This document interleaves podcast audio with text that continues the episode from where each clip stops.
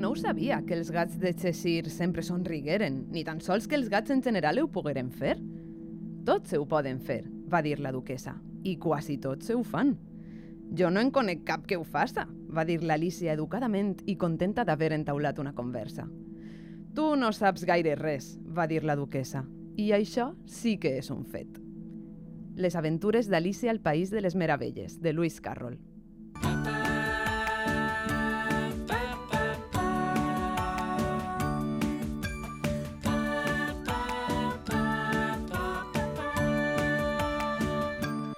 Ahir vaig estar mirant el futbol. Un camp, dos equips. Els jugadors voten a la gespa seriosos i saluden els contrincants.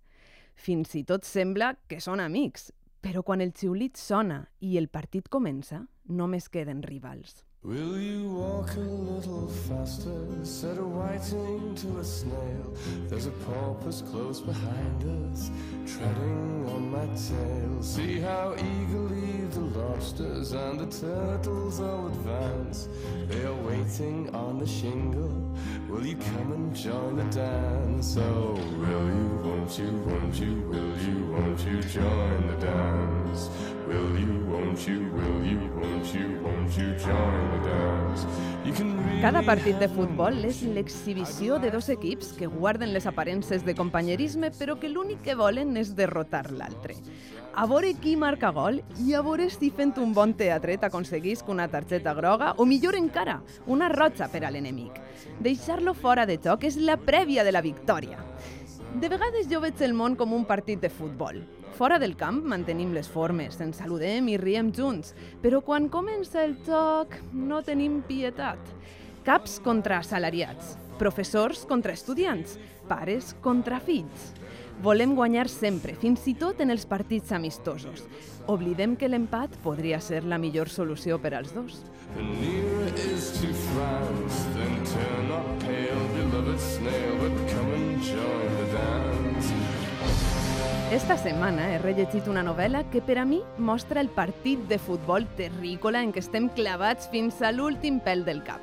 Això sí, t'avise que els equips de la Lliga d'Alicia al País de les Meravelles no són molt comuns. Per exemple, el partit d'inauguració del campionat enfrontarà un conill blanc amb el temps. En el segon partit es disputaran la victòria un barreter boig i el gat que sempre somriu. Si resistixes tota esta bogeria, guanyaràs una entrada per a la gran final entre la reina de cors i Alicia. Sí, Alicia, l'adolescent protagonista d'esta novel·la de Lewis Carroll.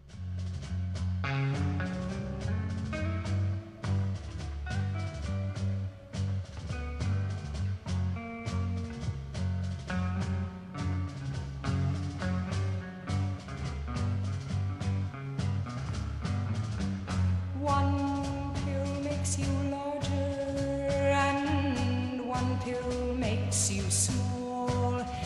And the ones that mother gives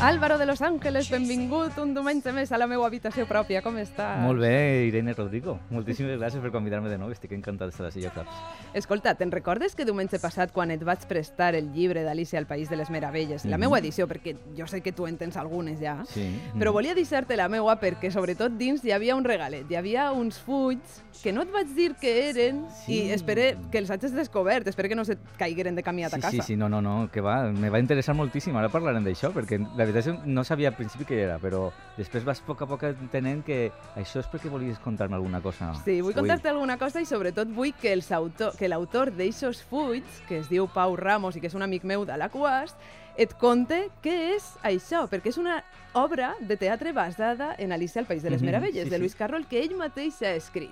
Jo estava esperant-lo, ara a l'hora de la vesprada, però imagina que haurà perdut el bus que venia de la Quast, o sigui que espere que arribi, espere que arribi, perquè vull que et conte en què s'ha basat per escriure Pues aquesta obra. Pues ho esperem perquè jo també estic molt interessat en què es conte. Sí, sí.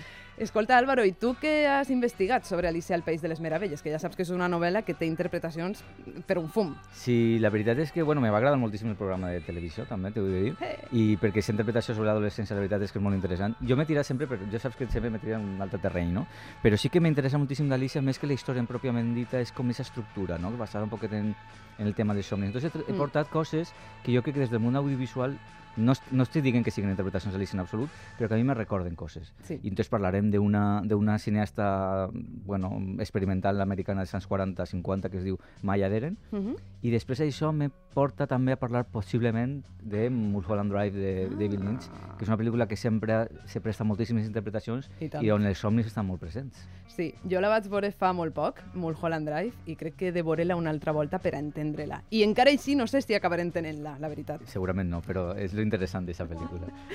Álvaro, jo continuaré amb el, la meva interpretació de que Alicia és una adolescent que està recorrent la seva adolescència, que no s'entén amb el món dels adults.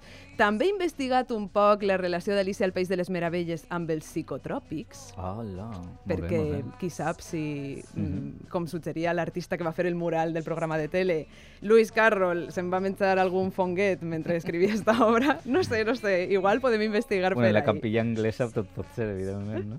Que, per cert, ja sé que tu has vist el grafiti, has vist el Mhm. mural que està en Mhm. Alberic, però si alguna persona que per alguna d'aquelles ens estiga escoltant Mhm. eh, no, no, encara no ha vist aquesta interpretació d'Alicia, que es va fer al programa de televisió, pot buscar-la a les meues xarxes socials. A. Twitter, a Facebook, crec que l'he Mhm. publicat també. Sí, I, sí. de fet, si vol també publicar alguna cosa sobre el que tu i jo contarem ara, i sobre Pau, si arriba, Mhm. pot utilitzar l'etiqueta una habitació pròpia. Molt bé. D'acord? Ara Perfecte. parlem, Álvaro, tu i jo.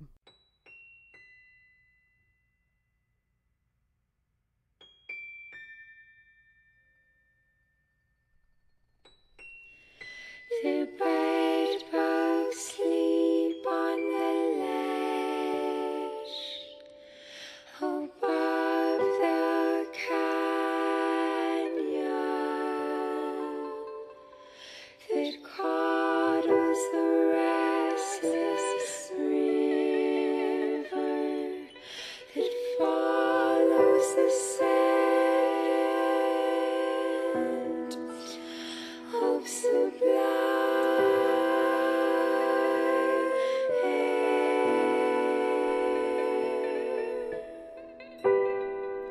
Quan era adolescent i els pares em renyien o no em deixaven fer coses per a les quals jo em sentia preparada, em preguntava «És que estos ja no recorden que també van ser adolescents?» I la resposta és que no, no se'n recordaven. Les persones se n'oblidem ràpidament d'etapes que van més enllà dels 5, 6, 7 anys enrere com a molt. Per això, un dels grans derbis del planeta Terra és el que es juga dia rere dia, hora rere hora, entre uns pares i mares desmemoriats i els seus fills i filles adolescents. Al programa de tele sobre Alicia, que si no el vas veure el pots recuperar al web d'Apunt Media, ja et vaig contar que per a mi esta novel·la, Alicia al País de les Meravelles, de Lewis Carroll, és una metàfora, una metàfora perfecta del que ens passa quan entrem en l'adolescència. Imagina't, de sobte el nostre cos de xiquet es transforma, creix. Les fantasies infantils que ens feien somiar fins fa dos dies ens comencen a aparèixer ximpleries i, sobretot, entrem en conflicte amb aquells a qui solíem admirar a mort i que ara ben bé ens semblen allò més pesat del món, els pares i les mares. where soon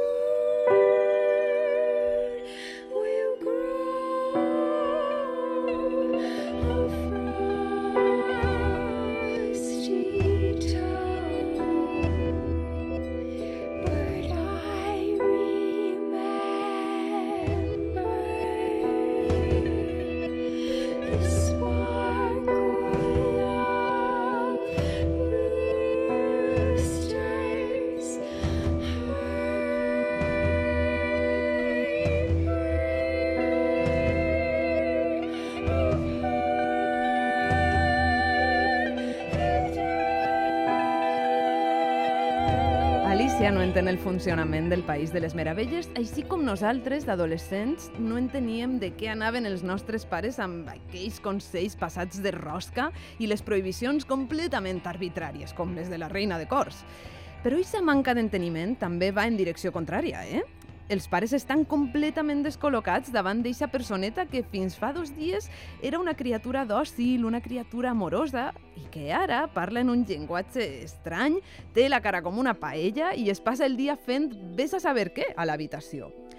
Pot ser entre estos dos equips de futbol que semblen antagònics, el dels pares i els dels fills, hi hauria una possibilitat, encara que fora xicoteta, una possibilitat de pau si els majors reberen algun tipus d'orientació per atraure-li suc a l'adolescència del jovent, que en realitat està en una etapa ben lliure i molt creativa, de la qual tots podríem aprendre molt. Ara bé, poques escoles de pares i mares conec jo, eh? Pot ser l'única manera que tots quedem contents amb el partit és acceptar que, per molt que no ens sentim preparats, eixe partit s'ha de jugar.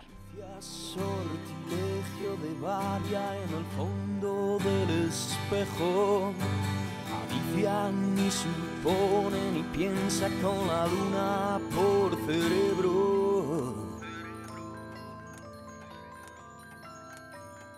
En su pensamiento tirando del hilo su enredo.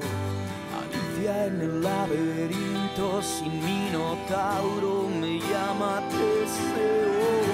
Alicia es siempre tan breve que ya ha terminado. Alicia dice que te quiere cuando ya te ha abandonado. Alicia expulsaba al país de las maravillas. para Alicia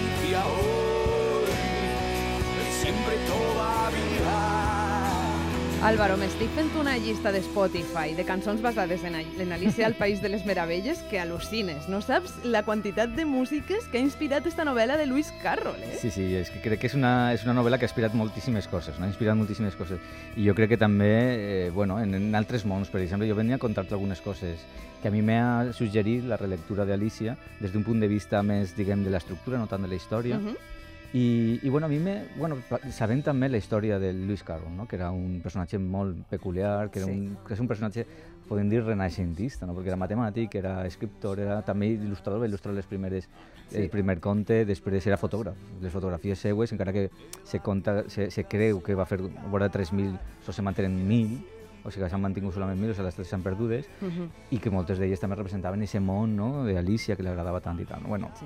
Sobre aquestes interpretacions també n'hi ha moltes, no? Però a mi m'interessa molt pensar en ell, ja que era fotògraf i controlava bastant eixe mitjà, estem encara en el 1865, quan ell escriu la novel·la, però eh, i encara queden 30 anys fins que se faci la primera projecció cinematogràfica, que va Mhm. ser el, el, el 1895 Mhm. a París, però és veritat que la història del cinema, de l'aparició del cinema, és, una, és un trencaclosques que es va fer en molts llocs diferents i fet per molta gent diferent també, que cada un estava investigant d'una manera, igual que va passar en la fotografia. No? Però la Clar. fotografia és en 1839, quan és, diguem, la, la, la fundació de la fotografia més o menys, eh, ideada com a mitjà públic, i a mi m'interessa molt la idea de pensar, perquè la idea del temps està tot, tot, tot el temps present en la, en la, la novel·la, novel·la. no? I, i què és al final el cinema, sinó fotografia amb temps inclòs, no? Dins, no? Entonces, i jo també penso, he llegit moltes coses sobre el tema del cinema i també diuen que la societat en la que, està, en la que cre, diguem, apareix el cinema és una societat que ja necessitava, en certa mida, perquè cada vegada està més mecanitzada i tal, necessitava com d'alguna manera enre, enregistrar allò que passava cada vegada més ràpid, no? Uh -huh. O sigui, I- necessitaven ja la ferramenta del cinema. Jo crec era que com sí. que era el següent pas. Jo crec que sí, no, no, no sembla que siga una cosa descabellada pensar que tota aquesta societat, sobretot en, en Anglaterra, en París, en els llocs importants on, on s'estava, o en Estats Units, on s'estava realment investigant i on estava eh, els països més avançats, eh, està esa, esa, com aquesta intenció per ahí, no? I jo vull portar-te algunes coses, un- una cosa que, bueno, que m'ha suggerit com, què faria Alicia si s'haguera fet major, no? De I, veritat? sí, i te poso primero una musiqueta i després ja te conte, ¿vale? Lo que és. D'acord. Álvaro,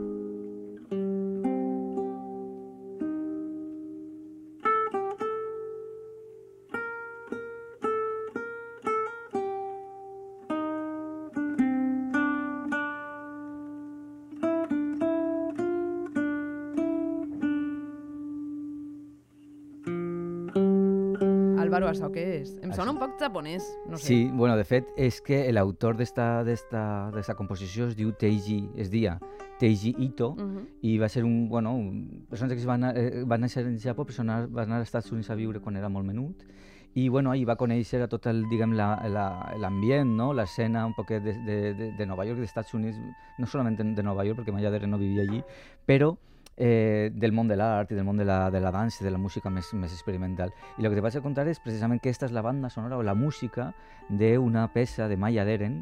Eh, Maya Deren va néixer anomenada Eleonora Deren, Derenkovsky, eh, en, va néixer en, en Ucraïna i va morir en Nova York. Mhm. Va, va viure 43-44 anys. Que jove. Sí, Va va, ser morir. molt jove. Va ser una cineasta, ballarina, assagista i molt interessant. I va dirigir algunes poques obres, algunes peces de, de podríem dir de videoart o de, o de cinema experimental dels anys 40 als Estats Units i una d'estes és The Message, of the Afternoon, que seria algo així com, no sé com, com traduir-ho, perquè també és una traducció, seria com una xarxa, la xarxa del, del migdia, o, però també la, la paraula esta significa també els buits que fa la xarxa, per tant és una cosa que, que intentes atrapar-la però que se t'escapa, seria un poc la cosa, no? Sí.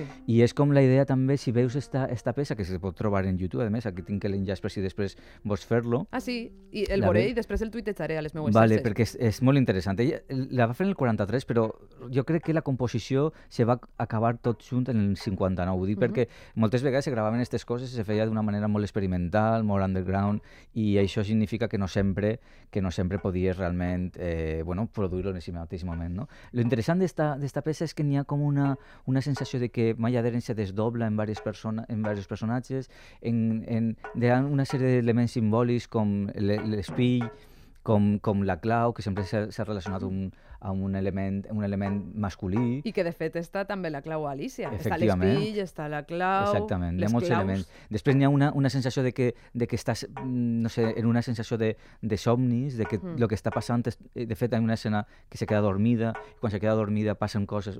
És interessant, no? I això vols dir que seria un poc el que Alicia haguera fet si haguera nascut al segle XXI?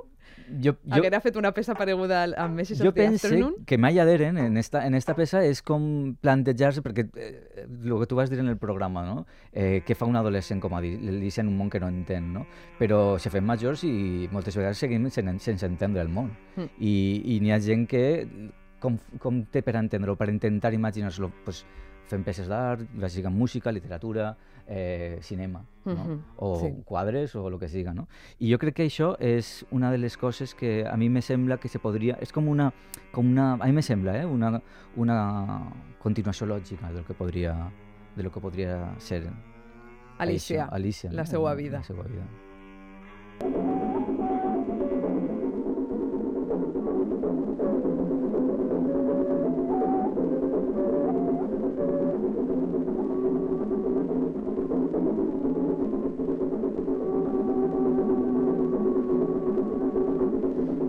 Peça també és de Teji, Teji Ito, és d'ella el compositor d'abans. No, esta és d'ella. Ah, és de Maya Deren. Sí, perquè eh, Maya Deren va fer... Bueno, jo tinc el, te vaig a deixar després el DVD, jo encara me manejo en A veure. DVDs. Mira que guai. Ella va fer realment cinc, cinc o sis peces, curtetes totes, i esta es diu um, Meditation on Violence, i és un, un, un home que, està, que és japonès o, o asiàtic almenys, que està ballant és un, eh, entre, una, entre una dansa contemporània i una dansa com antiga, no? per dir-ho d'una manera. No? És un pla molt tancat, vull dir, no n'hi ha quasi informació, eh, però bueno, jo crec que és interessant perquè ella lo que, jo crec que és una pionera de la biodansa, està considerada com una pionera de la biodansa, no perquè n'hi havia gent que ballava dins de la peça, sinó perquè la forma que construïa les peces i allò que se feia dins està molt vinculat amb el que podem entendre la dansa contemporània avui en dia. No? O sigui que ella se va avançar en certa mida molt a aquest tema. Bueno, pues esta és un poquet més, més rara, però bueno, lo, lo, sempre feia, tots els seus, les seues composicions es feia o sigui, les seues obres les feia sense so, excepte estos dos, no? Mhm. Meditation on Violence, que és esta, la seva pròpia obra, i la de Message of the Afternoon, que és la peça que hem escoltat abans. Que guai. Les veuré les dos, em, em deixes el DVD Per que suposat, quede queda't- a la meva habitació. La, la Si, que ve si tens reproductor de DVD, te'l pots quedar. Hauré de veure-ho perquè no. El meu ordinador no en té, és que clar, aquestes coses ja van desapareixent, Van és increïble, sí, però sí. ja me les apanyaré per a veure'l. Molt bé.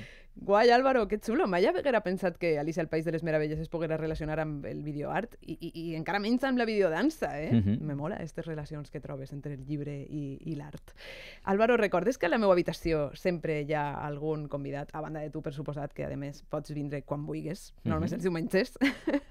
doncs eh, avui tinc una convidada especial Mhm. per telèfon, que és una amiga i escriptora que s'anomena Marta Meneu, no sé si et, et sona. És una jove divulgadora Ah. que a banda és periodista, que a banda ara també és escriptora, perquè ha tret la seva primera novel·la, que es titula El senyal.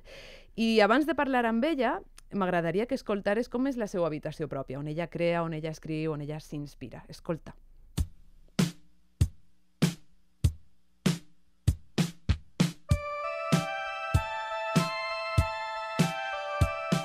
La meva habitació pròpia jo penso que és el meu entorn, perquè com som éssers socials, a mi la inspiració en ve de les vivències amb els, amb els meus amics, amb els meus pares, amb la meva família, els llibres que llegís, les sèries de televisió, les pel·lícules...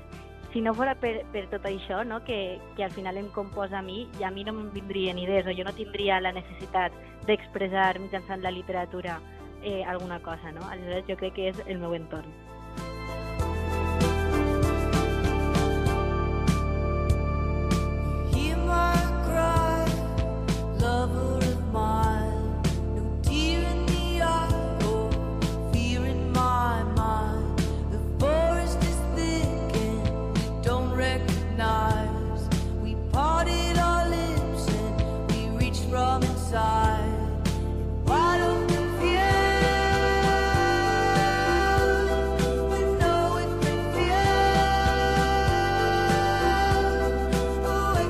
La veritat és que jo d'adolescent vaig tindre bastant bona sort amb l'actitud dels meus pares cap a mi, eh? no puc queixar-me, perquè de fet em permetien fer una cosa que sol estar vetada als adolescents, que és unir-te a converses d'adults. I a mi això m'encisava.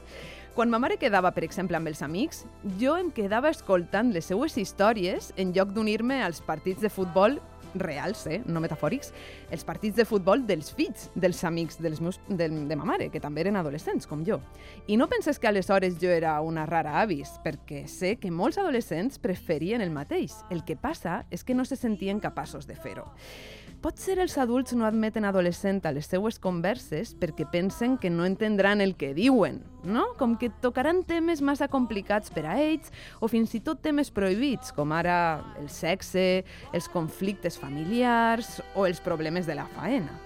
Jo penso que això és menysprear la maduresa dels jovens. I, de fet, Alicia al País de les Meravelles, de Lewis Carroll, demostra que els jovens poden llegir de sobres una obra i captar el significat real que s'amaga darrere de les historietes boges entre Alicia i els habitants del país on ha anat a parar.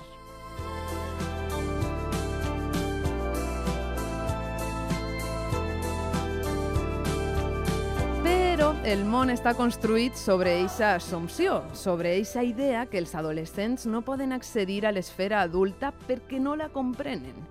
I Disney, si ho penses, n'és una prova. Mira, pot ser l'adaptació d'Alicia al País de les Meravelles se salva, perquè la veritat és que censura poca cosa.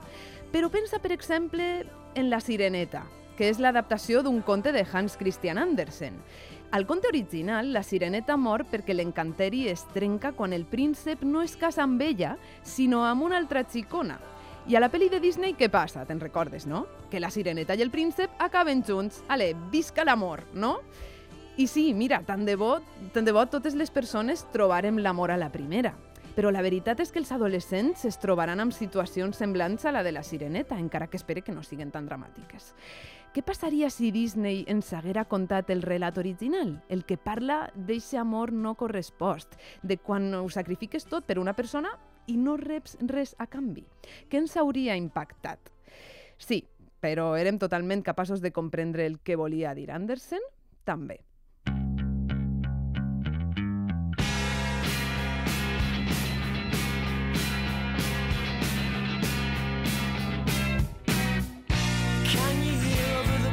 Flies Between the pillows and the skies I can see your eyes. Through the looking glass between your thighs.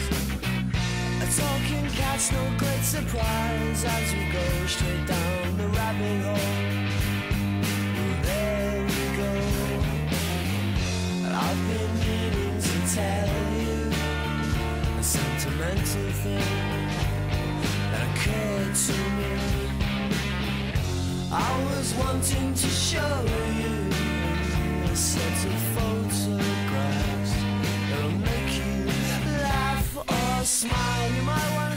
Álvaro, abans m'has contat que em parlaries avui de Mulholland Drive, de David Lynch, una de les pel·lícules més indesxifrables que jo he vist a la meva vida.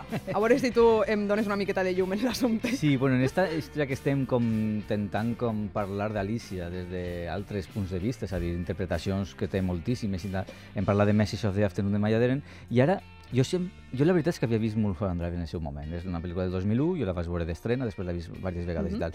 I després vas descobrir, investigant pel meu compte, Maya Deren, que no l'havia conegut, va, primer en un llibre, tal, vaig aconseguir al final comprar la seva producció, que és com he vist molt curteta, i vas dir, ostres, però si hi ha molts elements a mi que em semblen que estaven ja en Mulholland Drive. És a dir, que el David Lynch, que és muy vivo, o sea, que és un tio molt llest, no? Eh, la veritat és que el que ha fet és, bueno, a mi em sembla una, un, un, un cineasta molt interessant perquè parla des de, des de, des de diguem, el, el, el mainstream americà, no? del cinema més, més, diguem, més potent, comercial, més no? comercial i parla, però se parla sempre d'aquestes parts com que estan com oblidades o que estan amagades o que estan enmascarades d'alguna manera, no? Mhm, Com per exemple?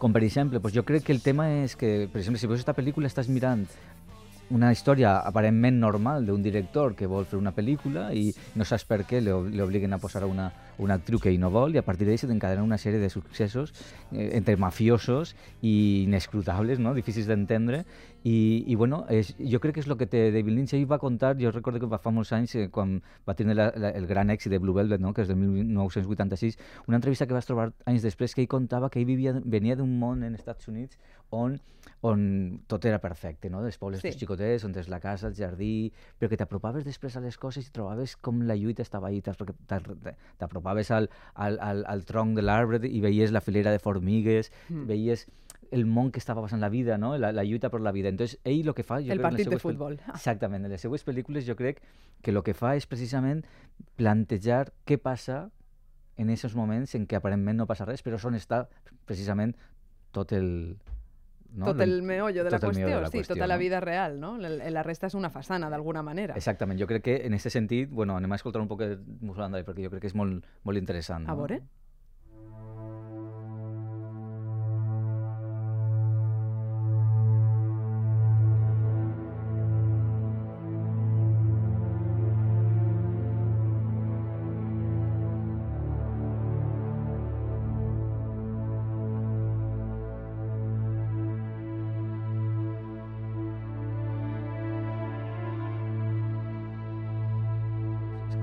Com superinteressant, no? És com una música que aparentment és tranquil·la, però tens la sensació de que estan passant coses baix, no? és per una sota, música no? fosca, en realitat. Sí, és fosca No? i és com...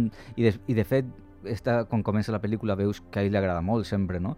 Eh, un cotxe de nit per una carretera, no? I la pel·lícula Carretera, carretera Perduda precisament va d'això, no? També, no? Que te fiques en una carretera i de cop i repente apareixes en un altre lloc, també... Com Sí, Alicia. Sí, és que, és que és molt interessant perquè, de fet, en la pel·lícula en la pel·lícula n'hi ha un moment en què tenen que trobar una clau d'una caixeta blava, quan troben la Sí. clau d'aquesta caixeta blava que apareix, també no saps per quina raó, en un lloc que no t'esperes, eh, de cop i repent uf, la càmera se'n va cap a dins a un, com, un, com un forat negre i realment és un forat negre, és un forat Sí. negre espai, espai temporal, no? en el que ja el que semblava que era com era abans ja no ho és, Mm. els personatges que estaven interpretant un rol ja no interpreten ells, sinó que interpreten un altre que pensaves que era d'una altra persona, i de cop i repent hi ha una lluita molt interessant, quasi que de, que de, on la psicoanàlisi està molt present entre el doble, el- l'ocult, l'altre, Mm. eh, que és l'ego, no? Eh, de repente hi ha molts elements que són molt típics no? de la psicoanàlisi que jo crec que estan molt ben representats ahí, però són complexes d'entendre, Sí. perquè mm, ell intenta mantindre i manté, de fet,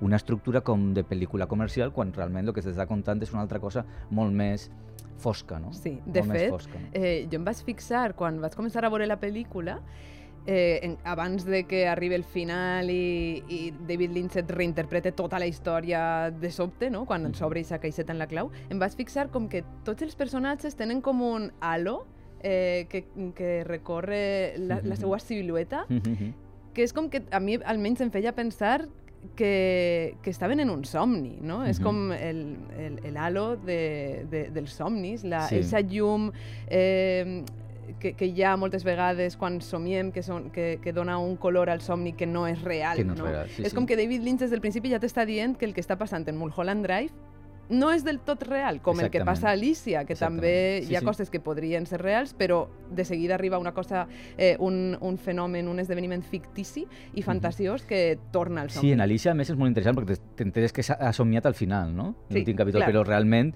des del principi està tan ben eh, esa sensació de que s'està dormint i que Mm, està mm. passant per túnels i tal, que moltes vegades és el que te passa quan comences a somiar, no?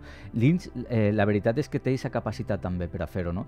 Eh, i a més, jo crec que bueno, eh, la, la combinació o la diferència podrien entendre entre Maya Deren. Maya Deren fa des del personatge... Maya Deren seria com Alicia, no? Com Sí. ho interpreta Alicia la seva vida. Sí. I Lynch seria com Lewis, Le- Le- Lewis, com Lewis Carroll Sí. entre, no? En, què faria Lewis Carroll en el moment en què se pot fer cinema, no? Seria, no? Sí. Tens alguna cançoneta més de la banda sí, sonora mira, de Mulholland Drive? que és com del principi, que és molt animada i que jo crec que ens pot com, també que la pel·lícula també té moments que són realment fantàstics, Sí, no, no són tan tenebrosos.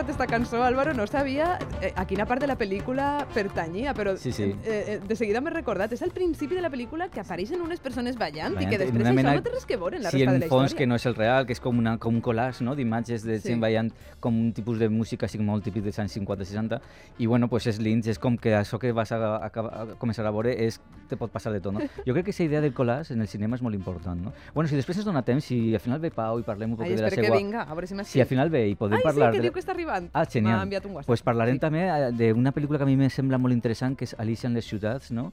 de Wim Wenders, eh, de 1974, i, i si podem parlar d'això, podem, parlarem de, de on surt la pel·lícula, o sigui, perdó, la, sí, la pel·lícula de, que és d'una novel·la, i després la relació amb una altra pel·lícula de Peter Bogdanovich, en fi, podem parlar d'aquestes coses després. Que guai. Mira, mai havia pensat tam tampoc que Mulholland Drive i Alicia tingueren alguna cosa a veure, però clar, eh, són somnis, en realitat. somnis, són no? somnis i, i Mhm. no sabem què és allò real i què és allò fictici. I. En Alicia igual està més clara la diferència. En Mulholland Drive, no. No, definitivament. no està clara. Álvaro, de seguida em contes més cosetes relacionades amb el món d'Alicia i espero que Pau arribi perquè ja està al caure.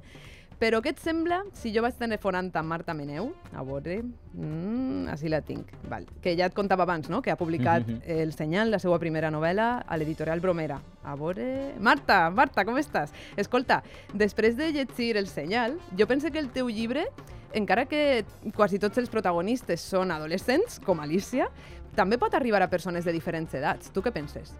Sí, eh, era la intenció, no? Vull dir, eh, al final vaig buscar que fos una novel·la coral amb les protagonistes de diferents edats, precisament per això, per eh, abastar, diguem, la visió d'un adolescent, però també d'una dona de 50 anys. Hmm. De fet, hi ha molts personatges que, com dic, eh, transiten entre moltes edats, mo- moltes diferències d'edats.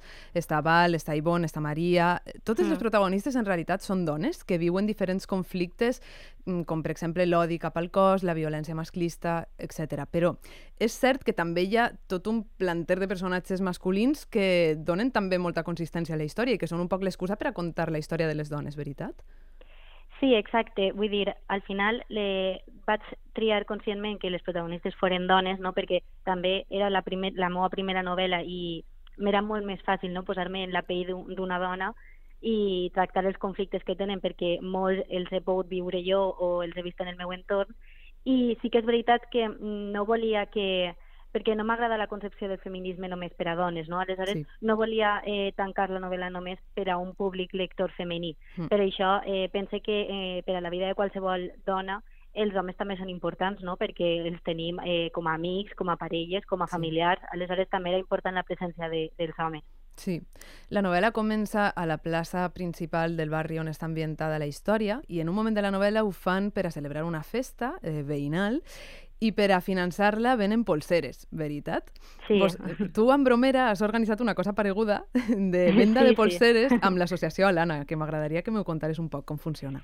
Sí, la veritat és que eh, m'ha agradat molt la idea que ha tingut Bromera, no? de, perquè al final és com donar-li un poc vida a la novel·la més enllà de, de la seva lectura.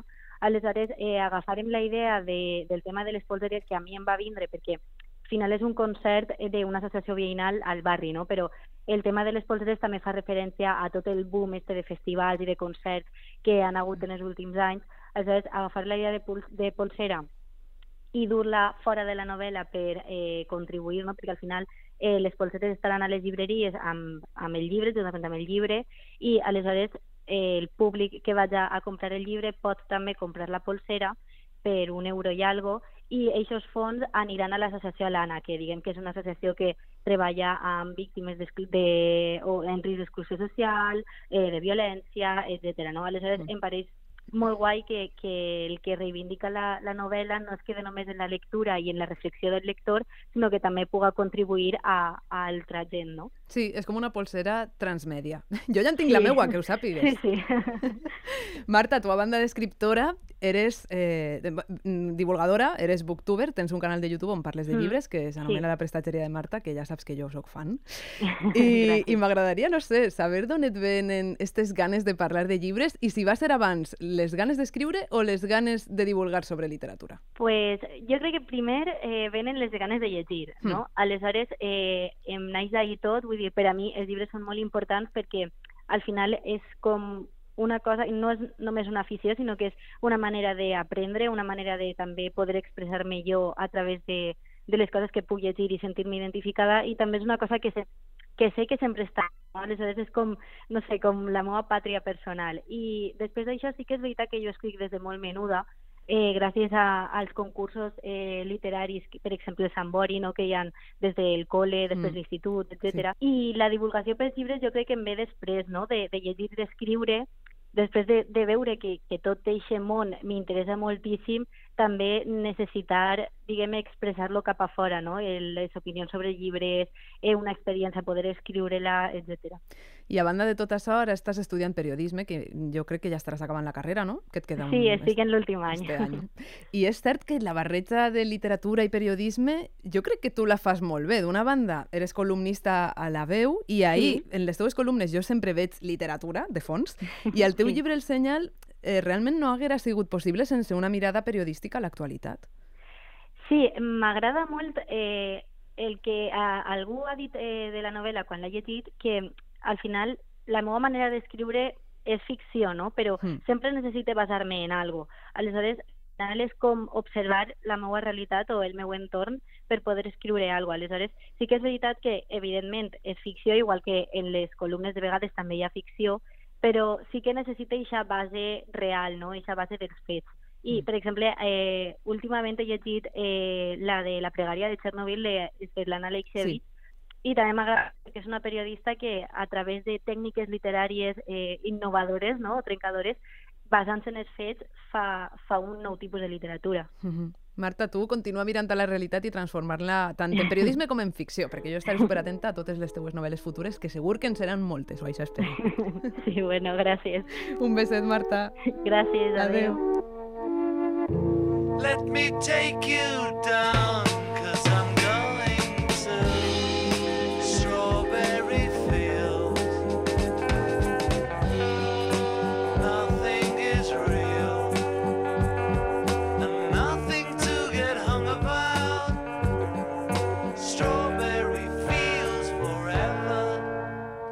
Sabies que per als hippies dels anys 60 i 70 Alicia al País de les Meravelles va ser tot un referent?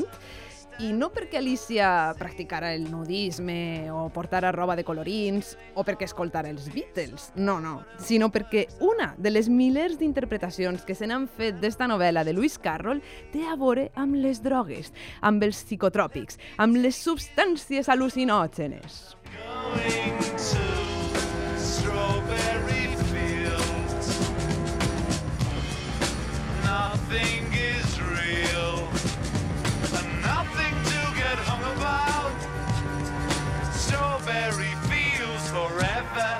Que si menja't un fonguet o menja't una maduixa, que si fuma de la pipa de l'eruga, que si ara beu-te un té amb el barreter i la llebre...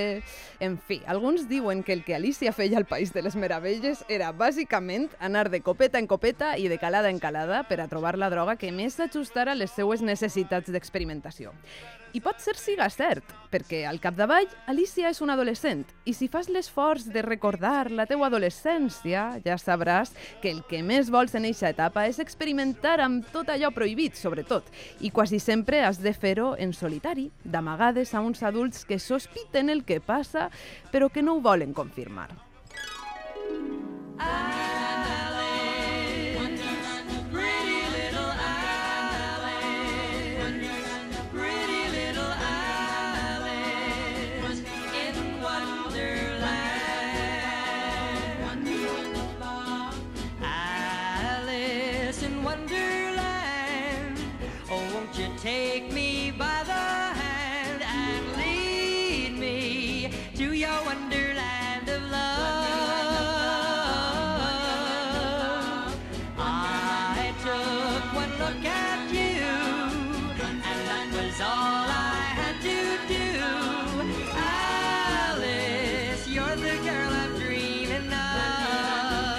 Álvaro, estic supercontenta perquè Pau ha arribat in extremis. Pau, senta't al sofà de la meva habitació pròpia. Com estàs? Hola, molt bé, molt bé. Que havies perdut el bus o com estava la cosa? Sí, bueno, el bus és un poc lío ahí en Alaquàs i se m'han passat, se m'han passat un poc. Álvaro, jo et conto un poc com vaig conèixer a Pau. Jo el vaig conèixer a finals del curs passat, eh, a l'IES Faustí Barberà de l'Aquàs, perquè vaig anar a veure el capítol d'Alicia al País de les Meravelles de tele. El vaig veure en exclusiva en els alumnes d'allà, no? I Pau estava entre ells. I en acabar la projecció em va dir escolta, Irene, que eh, jo vaig, eh, després de llegir Alicia al País de les Meravelles de Lewis Carroll, em va sorgir l'inspiració per a escriure una obra de teatre inspirada en Alicia i vull passar-te-la, total, que me la va passar, me l'he llegit i he al·lucinat, perquè Alicia en l'oficina, que és com es diu esta obra de Pau Ramos, és com una reinterpretació, ara jo vull que ens ho contes eh, tu millor, Pau, però és com una reinterpretació d'Alicia i tu agafes Alicia i la resta de personatges i els claves en una oficina on Alicia és la nova becària i passen coses super estranyes, com passen també a Alicia al País de les Meravelles, de Lewis Carroll, a que sí? Sí, bueno, i això va ser un poc, un poc la idea de plantejar la situació de una Alicia que ja no és adolescent, però tampoc se li considera adulta, no? Mhm. Com eixa etapa que és un, un llims, Sí. que seria la, la joventut, Sí. on les persones això, pues, no són considerades adultes, però tampoc són ja adolescents. Clar, que és un poc el moment en el que ara tu et trobes també, perquè tu que tens eh, 17 anys, 16 Bueno, anys... jo, jo encara sóc adolescent, però sí, podríem dir que aquesta Alicia tindria uns 23, 24 quan acabes la carrera. Sí, o sigui, d'ací uns anyets, no? Que Sí. això sembla que falta molt, però no queda res, en realitat. Álvaro, eh, jo et vaig passar a tu esta obra de Pau. Sí, sí, Eren sí. els papers que anaven Els amagats papers. en l'edició d'Alicia que et vaig prestar va la setmana passada. que me vas enviar això, no sabia, després vaig començar a com anuar les cosetes, dic, "Ah, me va quadrar, no? I la veritat és que l'he llegida i m'ha encantat. Sí. Sí, És- és, curteta, és com si fos una escena, com si fos un Mhm. capítol, no?, dins de, de lo que podria ser Alicia, però, però m'ha interessat moltíssim com has portat al dia d'avui, com en aquesta situació, a més, ella ha crescut, ja ha deixat, diguem, de ser una, una xiqueta, ja pensa per si mateixa, però té, encara manté aquesta actitud de, no, de- d'enfrontar-se a les coses que pensa que no estan bé, de dir Sí. les coses com les pensa, no? Sí, jo crec que és un punt a favor sempre ixa, ixa vida que, que du ella, perquè, per exemple, hi ha un moment en el que es juga com a l'escena del té, pues ara Sí. en volta de ser l'escena del té és l'escena del cafè. De que... I se mostra un poc ixe dadaisme, per així dir-ho, de, dels adults ja enfonsats en una rutina, i Alicia és un poc tot el contrari, no? Ella arriba de l'adolescència amb una mirada molt crítica i és capaç de dir coses que ja els adults han, han assentat com que són normals i ordinàries. Sí, de fet, tu dius en un moment de l'obra, dius que eh, hi ha uns personatges que s'autodenominen és que m'ho he apuntat perquè em pareix brillant. Mhm. Botxos Gràcies. ressentits que estan s'han afonat en la monotonia i el conformisme. O sigui, i estos personatges diuen que esperaven que una persona com Alicia, que és una persona jove, eh, arribara a l'oficina i poguera canviar les coses, que és un poc la missió que teniu vosaltres, els adolescents, arribar al món boig que hem creat els adults i fer-ne un de nou, no? Sí, precisament hi ha dues figures en l'obra que seria Gaspar, que seria un poc representant del gat de Cheshire, Mhm. i Eric Leruga, i són un poc aquests dos adults que ja per, per una qüestió més d'obligació, per així dir-ho, de factures, rutina, s'han enfonsat en aquest món dels adults on se veuen obligats a obeir un cap, i tracten com d'inspirar Alicia perquè siga ella capaç de canviar les coses. Encara, com encara és jove i no té aquestes lligadures que ells ja tenen. no tens aquests prejudicis tampoc. I de fet hi ha un moment en què deixes caure que a través de la creativitat i de la cultura es pot eh, acabar o es pot transformar este món boig que hem creat els adults i construir-ne un altre, no? I això Mhm. m'agrada perquè és precisament el que tu intentes fer a través del teu teatre, és eh, utilitzar la teua creativitat escrivint per a fer pensar a les persones que vegen aquesta obra o que la llitgen, com nosaltres, Álvaro i jo. Sí, eh, hi, ha, hi ha una frase, si no recorde mal, d'un dramaturg que m'agrada molt, que es diu Bertolt Brecht, Mm. Mhm. i ell deia que el teatre no havia de ser un reflexe de la realitat, sinó un martell per donar-li forma. I, I un poc això és com... Bueno, encara no, no he pogut escriure massa, però sí que m'agradaria fer-ho més. I és un poc la idea que tinc jo amb el teatre i amb l'art en general, que ha de ser com, com eixa ferramenta que ens permeta fer coses noves en la nostra societat o canviar-la des de dins. Uau, A m'encanta. mi m'ha encantat, sí, de com parles, a més, no? M'ha encantat, l'estaven comentant amb Irene eh, abans de que vingueres, que la idea de com estan tan bé escrit les acotacions, com realment te fas una idea molt, molt clara de l'escena, vull dir que, que per a ser un xic de 16 anys, la veritat és que te, has llegit molt de teatre. Sí, m'agrada molt, sobretot molt, no? eh, el Shakespeare, quasi tota la bibliografia la, la tinc llegida ja, però per, per això, per gust, perquè m'encanta agafar un llibre i clar, com el format de teatre se fa molt més lleuger que una novel·la, per exemple, Sí, pues, sí, sí. igual en tres vesprades ja te pots llegir una obra sencera. Sí. I quines, quines inspiracions tens, a banda de Brecht o Shakespeare, que ja els has mm, esmentat, per exemple, per a escriure les teues obres o, o per actuar, Mhm. perquè també sé que actues, no? Me ho vas contar que, Sí, que, bueno, que eres un un, poc poc que sí. actor.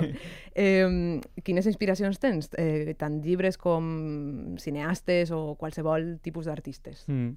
Pues també m'agrada molt, no, no són tots estrangers, també m'agrada molt Lorca, Mhm. Bueno M'encanta Vallejo. Lorca. Sí, sí. Bueno Vallejo, són, són Mhm. autors molt guais. I després, no sé, també m'agrada molt pues, el tema de la política i tot això me deixa influir prou per, per la meva ideologia a l'hora Mhm. de, de fer una creació o, Mhm. O això, de tindre una idea. Mhm. Molt Brecht, molt brechtiano. no? Sí, sí. I Álvaro, abans ens han- eh, m'has dit que igual eh, mm, Sí. eh, parlaves d'una altra pel·lícula que es deia Alicia en la Sí. ciutat o Alicia en les ciutats, Alicia en no? les ciutats. Bueno, el, realment no té res a veure en lo, que és, en, en lo que tu has fet ahir, però sí que me semblava que era com traure la idea, no?, i, i, i diguem, agafar com una, una idea com general i convertir-la en una altra cosa. Tu has convertit en una altra cosa. És veritat que el teu està molt basat en l'Alicia en l'Alicia de Carol. eh, esta, que, esta pel·lícula és una pel·lícula molt, molt, molt peculiar, és de l'any 1974, és de Wim Wenders, que ja és la segona vegada que, que la- l'anomenem així, es diu Alicia a les ciutats, i està basada realment, o en part, en unes idees, en unes idees d'un escriptor alemà que t'aconsella que llegis, que és Peter Hanke, que va fer un, una, una novel·la que es diu, bueno, no sé si està traduïda al català al valencià, eh, es diu Carta breve para un largo adiós, que és de 1972 també. És una, és una novel·la fantàstica que conta pues, el viatge d'un- d'un- d'una mare o un pare separats que van amb el seu fill i la, la, la pel·lícula conta un poquet aquesta idea de que un, un home que se'n troba en l'aeroport una dona que porta una filla li diu que si pot portar a la filla d'Estats Units a Amsterdam directament, que ella té coses a fer i que ja se trobaran allí. Entonces és, un, és una road movie però feta, feta d'una altra manera i lo interessant de la pel·lícula també és en blanc i negre, és, és molt de les primeres que, fa, que, fa, que va fer eh, Wim Wenders i, i una cosa molt interessant, el, el protagonista va fent tot el temps polaroids, fotografies polaroids i hi ha, hi ha una reflexió molt interessant al voltant de la imatge perquè sempre se queixa, no és mai el que jo vull que isca, no? O sigui, com i que això pot ser transportable també a qualsevol cosa creativa que fas. Mhm. Sempre Sí. mai no, tens que tornar a, a intentar-lo perquè mai no pots aconseguir allò que volies fer. No? Clar. Jo t'aconsello que veges la pel·li perquè a banda és molt, és molt underground, molt interessant. T'ho apuntat totes les recomanacions d'Álvaro, Sí, sí, que ell sí. sap moltíssim de cinema i d'art en general.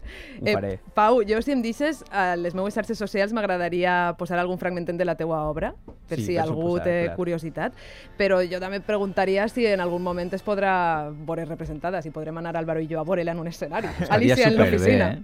Bueno, aquesta obra, sincerament, no crec, perquè va ser un projecte molt curtet, pensat i fet, però sí que dins de poc tinc, tinc projectes amb un grupet de teatre que tinc allà a la Mm. Quas, que es diu Reina Map, i bueno, estem fent cosetes i a finals de novembre podrem podrem publicitar alguna Ah, cosa. ja me la contaràs, m'envies un WhatsApp i, guai, i clar. així estic al tant. I Clar. Álvaro i jo se n'anem a l'aquas a veure-vos. I, i Molt tant. bé. Pau, moltes gràcies per vindre a la meva habitació pròpia. Ja saps que estàs convidat quan vulguis, eh? I si portes obres de teatre noves, millor encara, perquè ja saps que Álvaro i a mi ens encanta llegir. Molt bé, jo encantat i gràcies a vosaltres. No te'n vaig encara? Mira, queda't per ahir fulletjant a la prestatgeria que tinc una secció d'obres de teatre, igual te n'agrada alguna que no has llegit i te la pots emportar a ta casa, que la meva habi- habitació pròpia al final és una biblioteca pública, pràcticament. I Álvaro, tu tampoc te'n vaig encara, perquè vull que els dos escolteu eh, les notes de veu que m'han enviat al 602 546 297, però abans, Álvaro, vull que anunciar-te, i això, Pau, t'interessarà, perquè dius que t'interessa la política, que, les, que no, esta nit, a les 11 i mitja, hi ha nou programa de tele, d'una Mhm. habitació pròpia, i el llibre, el llibre protagonista és Llibre de les bèsties, de Uau. Ramon Llull, Mm. que jo Superbé. pense que és una faula que parla de la política actual en este país. Absolutament. Esta nit ja veuràs per què et Mhm. dic això, Álvaro. Tu ves llegint el llibre i la setmana que ve en parlem. Ara escolteu les notes de veu els dos. Mireu. Com sempre, Irene Rodrigo no, no defrauda amb, amb el seu programa. Jo, que sóc professor, de, en este cas de filosofia, a un institut d'educació secundària, eh, pense que sí, eh, estic envoltat d'adolescents, estic eh, constantment parlant amb ells, interessant-me per, a, per les seues idees i la seva manera de veure les coses, i pense que els adults tenim una visió deformada i a vegades menyspreem de manera injustificada les idees dels adolescents.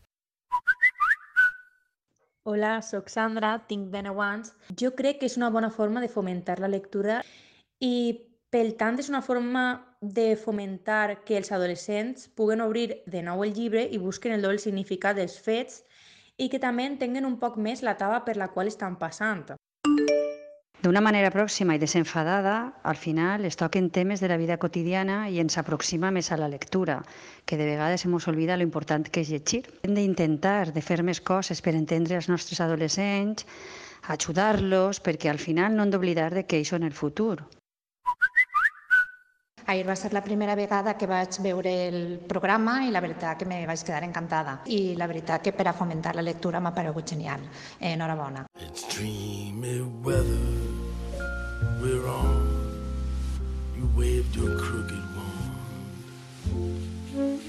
along an icy pond with a frozen moon. A murder of silhouette crows I saw and the tears on my face and the skates on the pond. Alice. País de les meravelles. Sona bé, veritat? Però què vols que et diga? Jo, si trobo un vol amb aquesta destinació, m'ho pense dos vegades, eh? Que les meravelles prometen molt i després es transformen en un malson, en les protagonistes d'un viatge solitari que, amb sort, completaràs en 5 o 6 anyets. Quasi res, eh? A dia d'avui, els adolescents s'han d'exiliar al País de les Meravelles, com Alicia, per a transitar esta etapa, l'adolescència. I mentre dura, eixe país d'adolescents i el país dels adults avancen paral·lels, sense tocar-se. Baby, all I can think of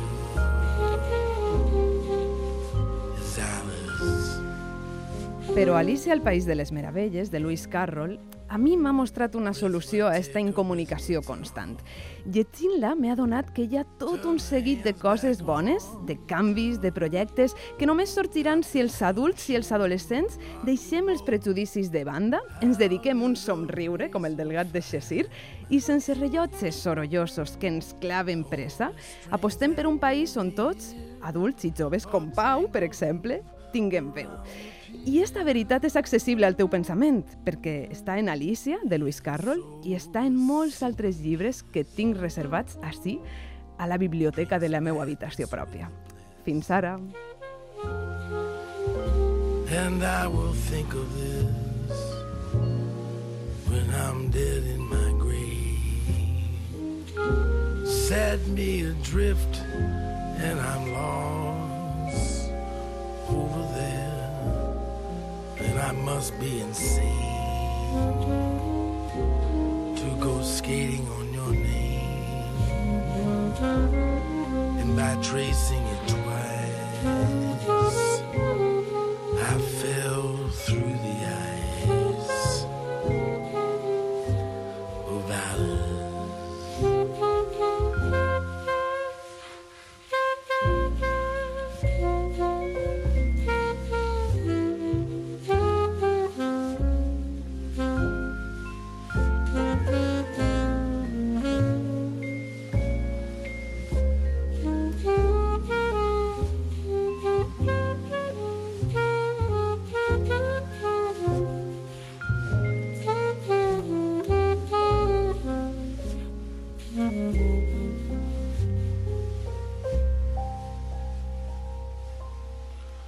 And so a secret kiss brings madness with bliss. And I will think of this when I'm dead in my grave. Set me adrift and I'm lost over there, and I must be insane skating on your name and by tracing it